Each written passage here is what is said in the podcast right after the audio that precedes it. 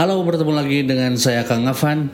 Di video kali ini saya akan membahas tentang uh, sebuah kasus yang terjadi mungkin bukan hanya di daerah saya tapi juga di daerah di beberapa daerah lainnya yaitu perkuliahan yang bisa lulus dalam jangka waktu satu tahun. Simak terus videonya.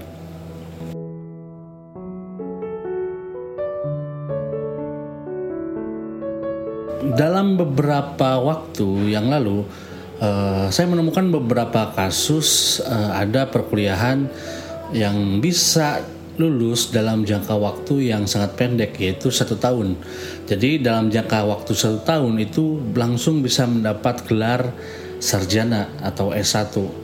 Nah, kemudian bagaimana menurut pandangan saya terkait masalah ini? Kita coba uh, bahas satu-satu ya. Jadi sebetulnya apakah memungkinkan bahwa perkuliahan S1 itu bisa lulus dalam jangka waktu satu tahun. Dalam hal ini berarti hanya dua semester saja. Jadi bisa dibayangkan dua semester langsung bisa mendapatkan gelar S1 atau sarjana. Sebetulnya bagaimana persyaratan lulus sarjana itu? Nah, saya akan coba ungkap ya. Jadi uh, beberapa persyaratan syarat lulus untuk menjadi seorang sarjana. Oke, salah satunya adalah yang kita, akan kita bahas yaitu tentang jumlah SKS maksimal dalam satu uh, kurikulum atau satu angkatan lah. Itu adalah 148 SKS dan jika dibagi dengan 8 semester, maka tiap semesternya itu hanya mengampu 18 sampai 19 SKS dengan komposisi tentu saja di awal lebih banyak SKS dan di akhir itu lebih sedikit SKS-nya gitu. Nah, jika dilihat dari hal ini, ini tidak mungkin seorang mahasiswa kuliah dengan uh, jangka waktu satu tahun itu bisa lulus S1 karena dari segi peraturan minimal 120 SKS pun uh, itu tidak mungkin ditempuh uh, satu tahun. Da, karena setahun itu berarti hanya 48 SKS yang bisa diampu kan?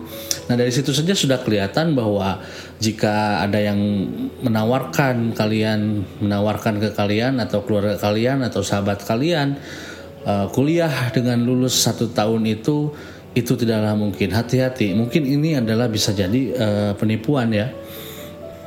Kemudian yang kedua IPK lulus itu minimal di 2,0 biasanya.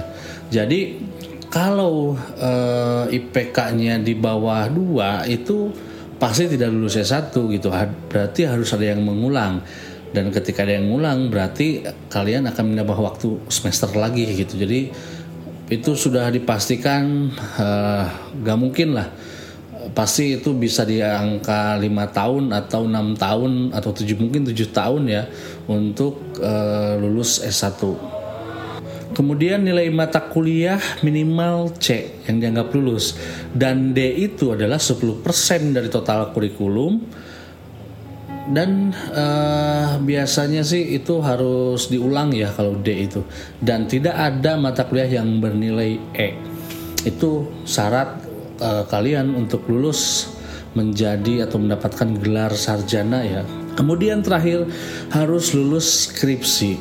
Yang tadi saya sebutkan itu uh, sangat tidak memungkinkan untuk uh, lulus satu tahun ya. Jadi tidak logis kalau saya bilang kalau kalau perkuliahan itu satu tahun lulus ini kalau kita asumsikan bahwa kalian mahasiswanya masuknya itu adalah dari semester 1. Nah, kemudian bagaimana kalau misalkan dia ekstensi atau melanjutkan dari D3 misalkan atau D1 atau D3 sajalah.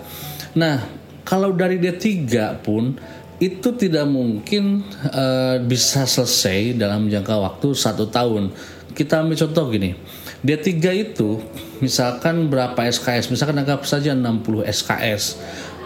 Kalaupun itu nilainya dikonversikan semua ke prodi yang apa yang dituju, kemudian mata kuliahnya sama, kurikulumnya sama 100%, kemudian dikonversi semua, itu pun tidak mungkin bisa selesai satu tahun, malah memungkinkannya di dua atau tiga tahun baru bisa selesai itu untuk ekstensi.